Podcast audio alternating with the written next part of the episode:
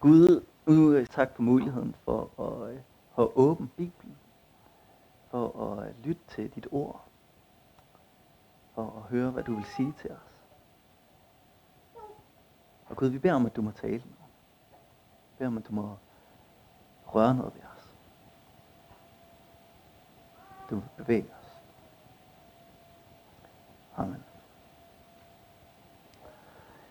I dag så er det øh, første søndag efter Trinitatis. Det ved jeg ikke, om I vidste, men det er det. Og vi skal læse en, øh, en prædiketekst til den søndag. Og den står i Lukas evangeliet kapitel 12. Øh, og der står sådan her. En i skaren sagde til Jesus, Mester, sig til min bror, at han skal skifte arven med mig. Men han svarede, menneske, hvem har sat mig til at dømme eller skifte mellem jer? Og han sagde til dem, se jer for og vær på vagt over for al griskhed. For et menneskes liv afhænger ikke af, hvad det ejer, selvom det har overflod. Og han fortalte dem en lignelse. Der var en rig mand, hvis mark havde givet godt.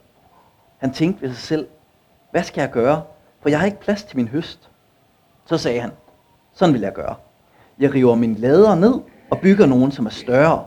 Og der vil jeg samle al mit korn og al mit gods. Og jeg vil sige til mig selv, så min ven, du har meget gods liggende, nok til mange år. Slå dig til ro, spis, drik og vær glad.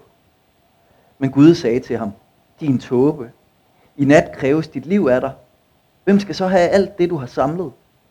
Sådan går det den, der samler sig skatte, men ikke er rig hos Gud. Så på overfladen, så taler øh, Jesus til, i dag til os om griskhed og om bekymringer om at være rig hos Gud. Og øh, jeg prædikede over den her øh, tekst i august, så, øh, og jeg skal nok lade mig holde den samme prædiken.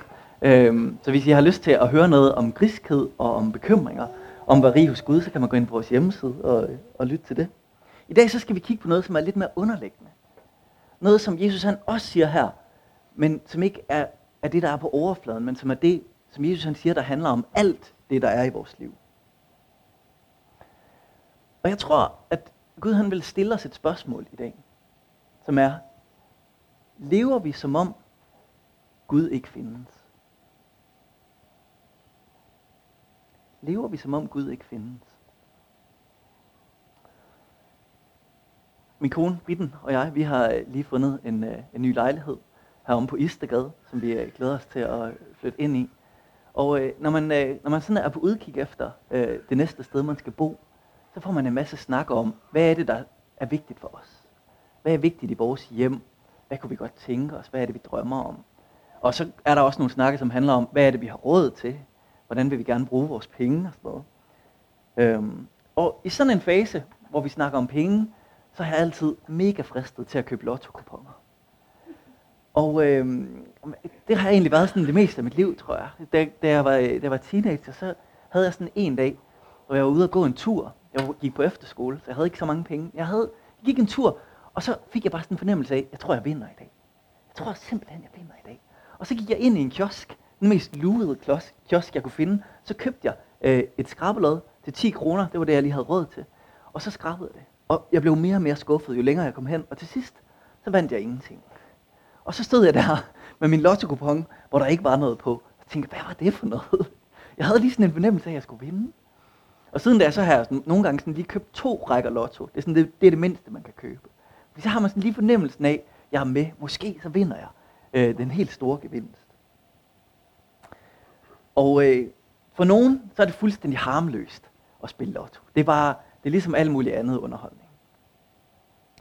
Men for mig, så er det, for mig så er det en fristelse til at leve, som om Gud han ikke findes. Når jeg køber en lotto så siger jeg til mig selv, jeg tror egentlig mere på, at den her mega urealistiske chance for at vinde en million, den skal give mig det, som jeg har brug for, end jeg tror på, at Gud han vil give mig det, som jeg har brug for. Regner jeg mere med lotto end med Gud? Jeg ved godt, sådan er det ikke alle, der har det med lotto. Det er bare sådan, jeg har det. Det er sådan et af de steder, hvor jeg lige må sætte foden ned og sige, nej, jeg, jeg har faktisk tillid til, at Gud han vil give mig det, som jeg har brug for. Så jeg skal ikke spille lotto. Hvis Gud ikke findes, så er jeg overladt til tilfældighederne og til chancen. Og i lignelsen der fortæller Jesus om en mand, der har overflod. Marken har givet et stort afkast. Hans firma er blevet børsnoteret. Han overvejer sit liv, hvor, hvordan skal jeg så leve nu, når jeg har så meget?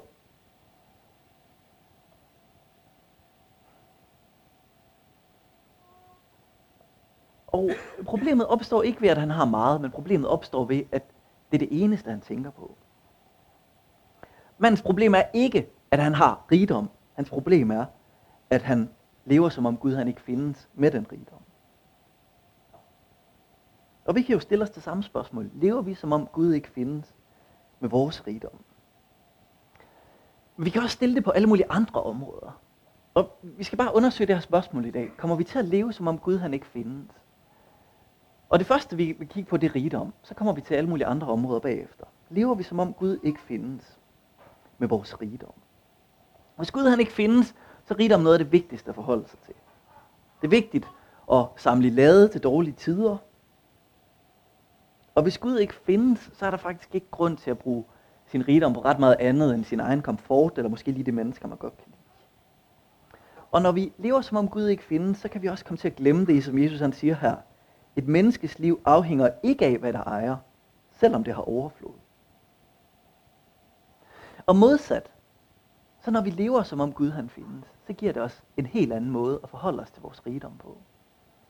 Så kan det være, at vi har hørt bjergprædiken, hvor Jesus han siger, at der er ikke en spur, der falder til jorden, og Gud han ved det. Og Gud han klæder påskeliljerne med de smukkeste klæder, så selvfølgelig så tænker han også på os mennesker.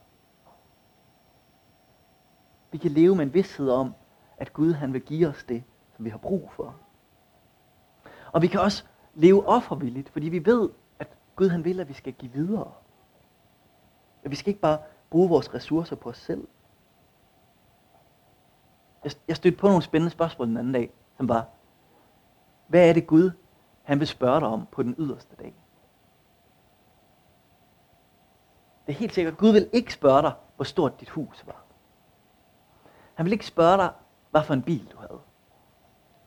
Han vil ikke spørge dig, hvor nyt dit køkken var. Og han vil ikke spørge dig, om din børns legetøj var brugt. Nej, Gud han vil spørge til din kærlighed.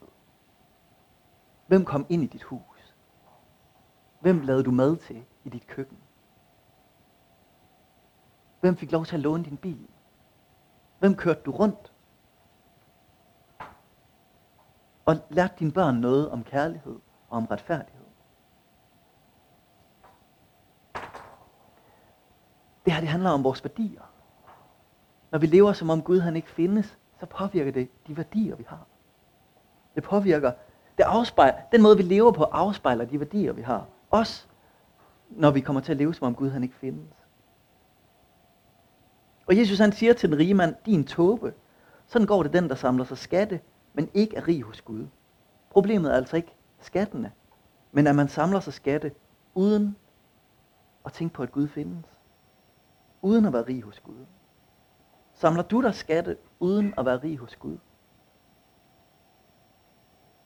Det kan være, at du lever med din rigdom, som om Gud han ikke findes. Det er det rigdom. Der er andre områder. Hvad med kirken? Menigheden? Lever du som om Gud han ikke findes med din kirke? Hvis Gud ikke findes, så er prædiken bare et foredrag, ligesom alle mulige andre. Og lovsangen er bare fællessang, ligesom alle mulige andre sang. Og bønderne, det er bare digte, ligesom alle mulige andre digte. Hvis Gud ikke findes, så forventer du måske det samme, når du er sammen med dine kristne venner og dine ikke-kristne venner. Og det er ikke fordi, at man ikke kan få alt muligt godt ud af at være sammen med sine ikke-kristne venner. Det kan man virkelig. Men hvis ikke du forventer noget andet af dine kristne venner, så kommer du måske til at leve som om Gud han ikke findes i forhold til dem.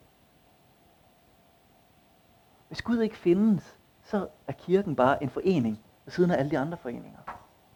Om onsdagen går vi til fodbold, om torsdagen er vi til bestyrelsesmøde i beboerforeningen, om fredagen er vi til gadefest, om søndagen så er vi tilfældigvis til gudstjeneste. Hvis Gud han ikke findes, så er det jo fuldstændig rigtigt. Så er kirken bare et sted for ligesindede. Der er andre mennesker, der har nogle af de samme værdier. Ordentlige mennesker, som jeg godt kan lide at være sammen med.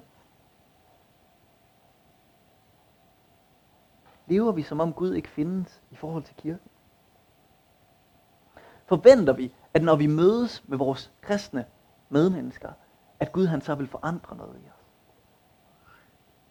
Uanset om det er her til Guds tjeneste, eller hvor som helst I møder en, der tror på Gud, forventer I, at Gud han vil noget? Forventer du noget af Gud? Længes du efter Guds kraft, at Gud han taler til dig, at du må opleve Guds nærvær? Eller mere konkret, lad du tilbedelse af Gud få prioritet i din kalender? Er det at tilbede Gud noget af det første, du sætter i din kalender, eller noget af det sidste, som vi må se, om der er plads til?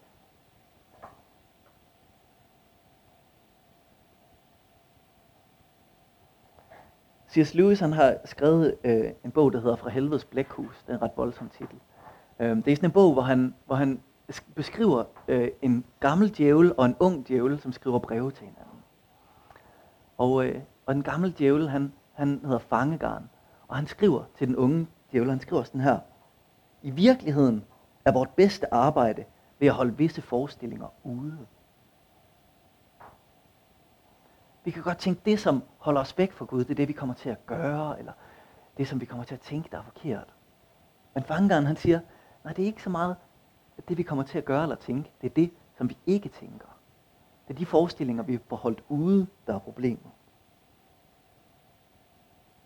Magnus Malm, han har skrevet en bog, der hedder Som om Gud ikke findes, som den har prædiken er meget inspireret af. Og jeg vil gerne læse et lille stykke fra, øh, fra den. Han, han skriver noget om, hvad er det, der sekulariserer os? Hvad er det, der får os til ikke at tro på Gud?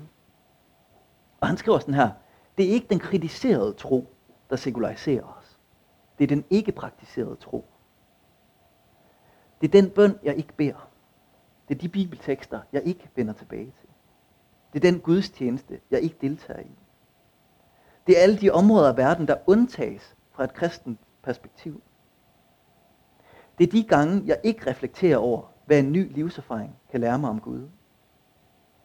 Det er de råd og formaninger fra ældre og mere erfarne kristne, jeg trækker på skuldrene af. Det er de erfaringer af Guds nærvær, jeg ikke længere tager alvorligt, og til sidst ikke kan huske. Det er de bøger af mine fædre og mødre i kirkens historie, jeg ikke gider at læse.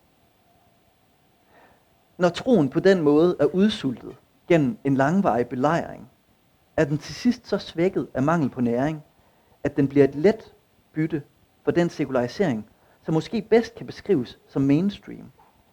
Med Jesu ord, jeg går ikke længere på den, smalle vej, på den smalle vej, hvor kun få mennesker går, men på den brede vej, hvor de fleste går. Det er alt det, vi ikke gør, der kan udsulte vores tro. Så kommer vi til at leve, som om Gud han ikke findes. Det her det handler om det indre liv, om det liv, vi har med Gud. Det handler ikke om at være pæn, om at se from ud, om at vise præsten, om jeg kommer der i kirke tit. Er det, er det ikke godt? Det er ikke det, det handler om.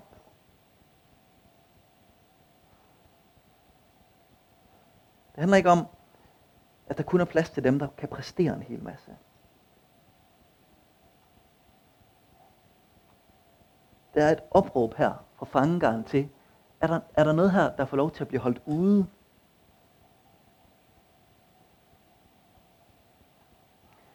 noget af det, som kan bekymre mig i vores menighed, det er, at der er så mange her, som kun kommer til gudstjeneste en gang om måneden. Og jeg vil bare stille det som et spørgsmål. Er det et symptom på, at der sker en langsom sekularisering? At det her med Gud, det får lov til at blive udsultet? At det bliver holdt ude? At det, øh, det kommer til at få en plads i baggrunden af dit liv? Kommer du til at leve, som om Gud ikke findes i forhold til din menighed?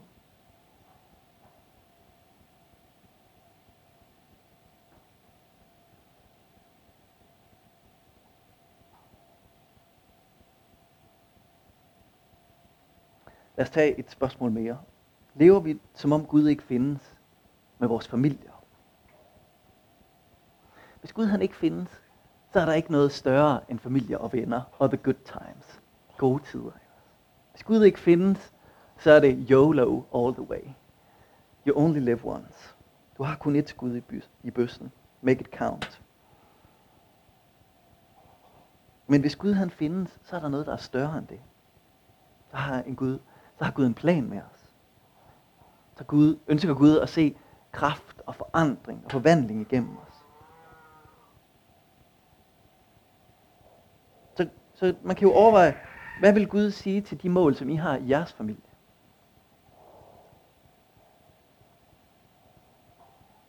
Hvem beder I for om at komme til tro ind i jeres familie? Det synes jeg var mega udfordrende, da jeg skrev det her. Hvem er det egentlig, jeg beder om at komme ind i min familie, om at komme til tro der?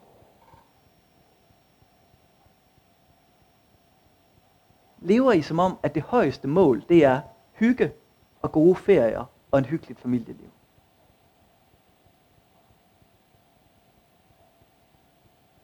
Hvad siger Gud til dig, når du spørger ham, hvad skal vores familie? Hvad er det, vi skal nå?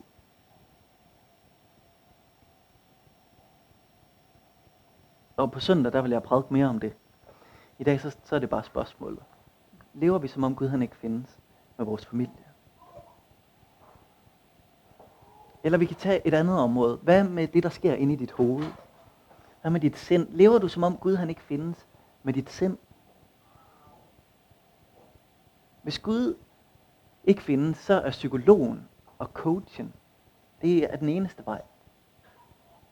Det er den eneste løsning, der er på dine indre problemer. Og nu må I høre mig rigtigt. Jeg siger ikke, lad være med at gå til psykolog, eller lad være med at gå til coach. Gør det, brug det, det kan være en, en kæmpe gave. Men taler du også med Gud om det? Inviterer du også Gud ind i den virkelighed? Deler du din sorg, eller din bekymring, eller dit stressforløb? Deler du det med Gud? Eller kommer du til at leve som om, at Gud han findes ikke lige, når det handler om mit stressforløb. Gud han findes ikke lige, når det handler om, at mit barn har det virkelig dårligt i skolen, eller hvad det nu er. Det, som bekymrer dig, det som fylder med ind i dit hoved, inviterer du Gud med ind i det. Vi skal bruge lægerne og psykologerne og coachene og alle de andre. Men vi må ikke leve som om Gud han ikke findes i forhold til de her ting. Vi må leve som om, at Gud han kan gribe ind, at han er stærk. Og bede modige bønder. Også når det hele det ser umuligt ud. Eller hvad med retningen i dit liv? Hvad med, hvad med, hvad med det, som dit liv det peger hen imod? Hvis Gud han ikke findes, så er det tilfældigheden eller skæbnen, der får lov til at styre det. Hvis Gud han ikke findes, så er du din egen lykkes smed. Eller så er du bare offer for skæbnen, og du kan alligevel ikke gøre noget. Men hvis Gud han findes, så er du ikke overladt til tilfældighederne. Så er du aldrig alene. Så er Gud aldrig længere borte end et suk. Så er der dyb mening med dit liv. Så findes der en retning, som er Guds retning for dit liv. Et, et andet, en anden måde at snakke om det her på, det er, ved du, hvad du er kaldet til? I den her sæson af dit liv, hvor du er lige nu, ved du, hvad Gud han vil med dig? Hvis ikke du ved det, så er det da en spændende rejse at gå ind på og finde ud af det.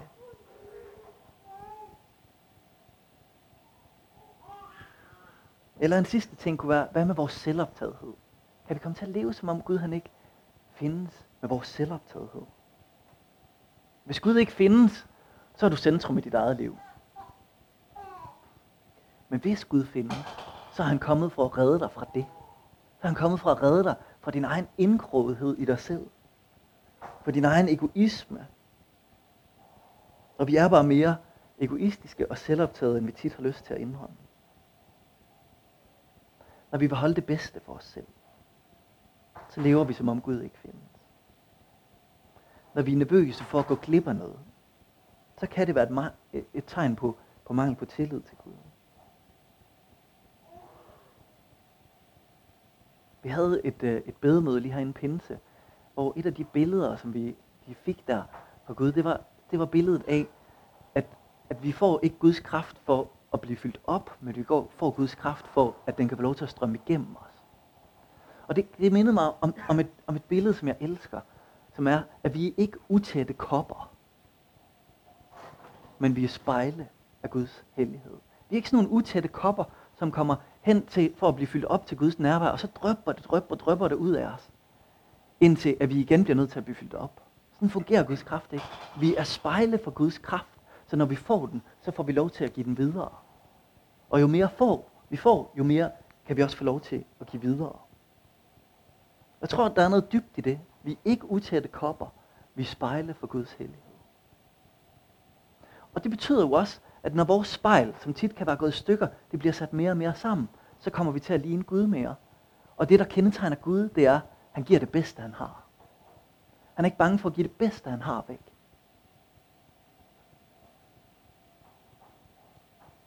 Og når vi bliver mere sådan, så får vi lov til at opdage, at det er bedre at give end at få. Vi får lov til at dele det bedste, vi har med andre.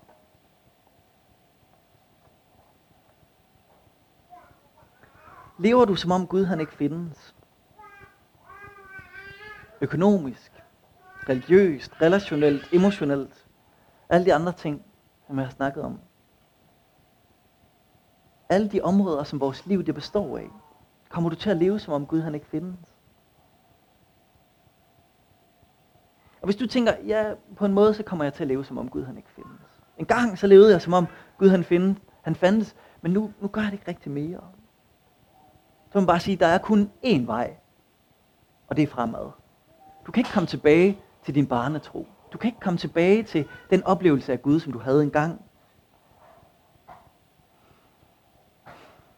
Du kan ikke tage din ungdoms energi tilbage, eller du kan ikke leve på noget i fremtiden. Du bliver nødt til at tage et skridt. Et skridt i tro. Tag imod Guds, troen på Gud igen. Du bliver nødt til at famle dig frem i bønden. Inviter Gud ind i det, som du er i lige nu.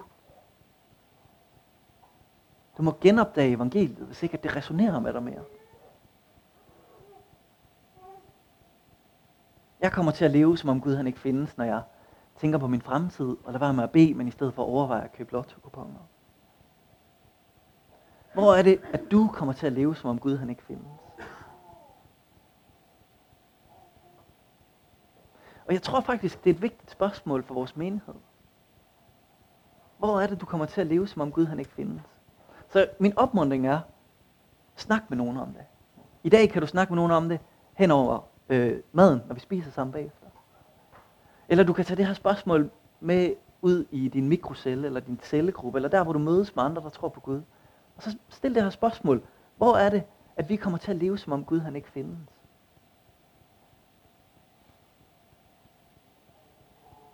Og hvis du har sådan en oplevelse af, at det her det handler om mig i dag, så vil Christine, hun vil stå nede bagved bagefter, og så kan du gå ned til hende og blive bedt for. Og I kan bare sammen bede for, og invitere Gud ind i det, som du oplever. Det her, det her, det her faktisk, der har Gud ikke en plads lige nu.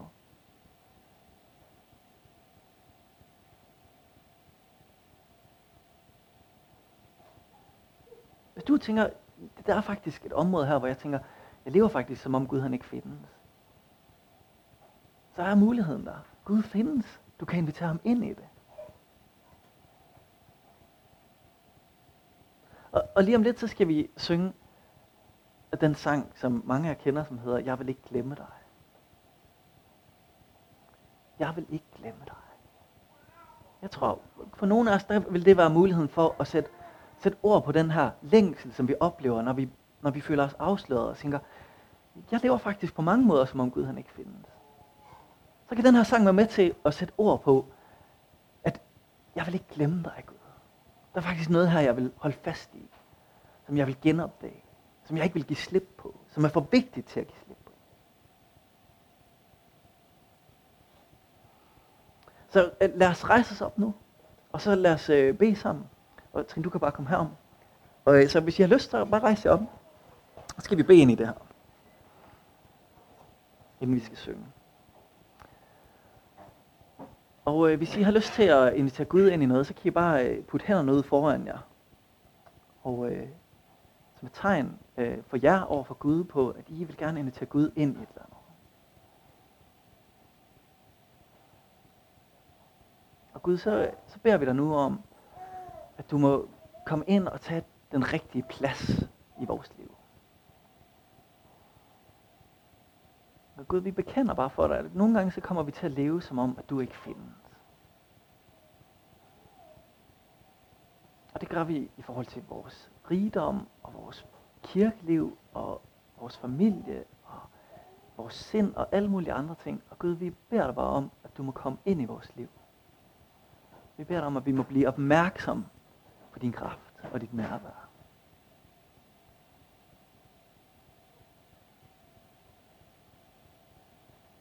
Kom, Helligånd.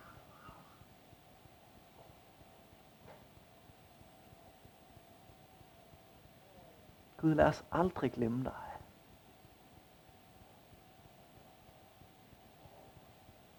Lad os ikke holde fast på skyld, som du har givet tilgivelse for. Lad os ikke holde, holde fast på bekymringer, som du har sat os fri fra.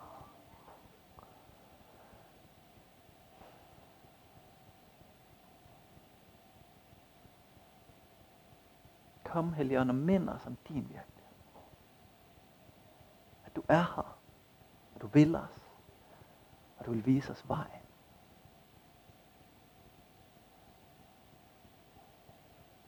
Gud, lad os så synge det her, jeg vil ikke glemme dig, som en bøn Música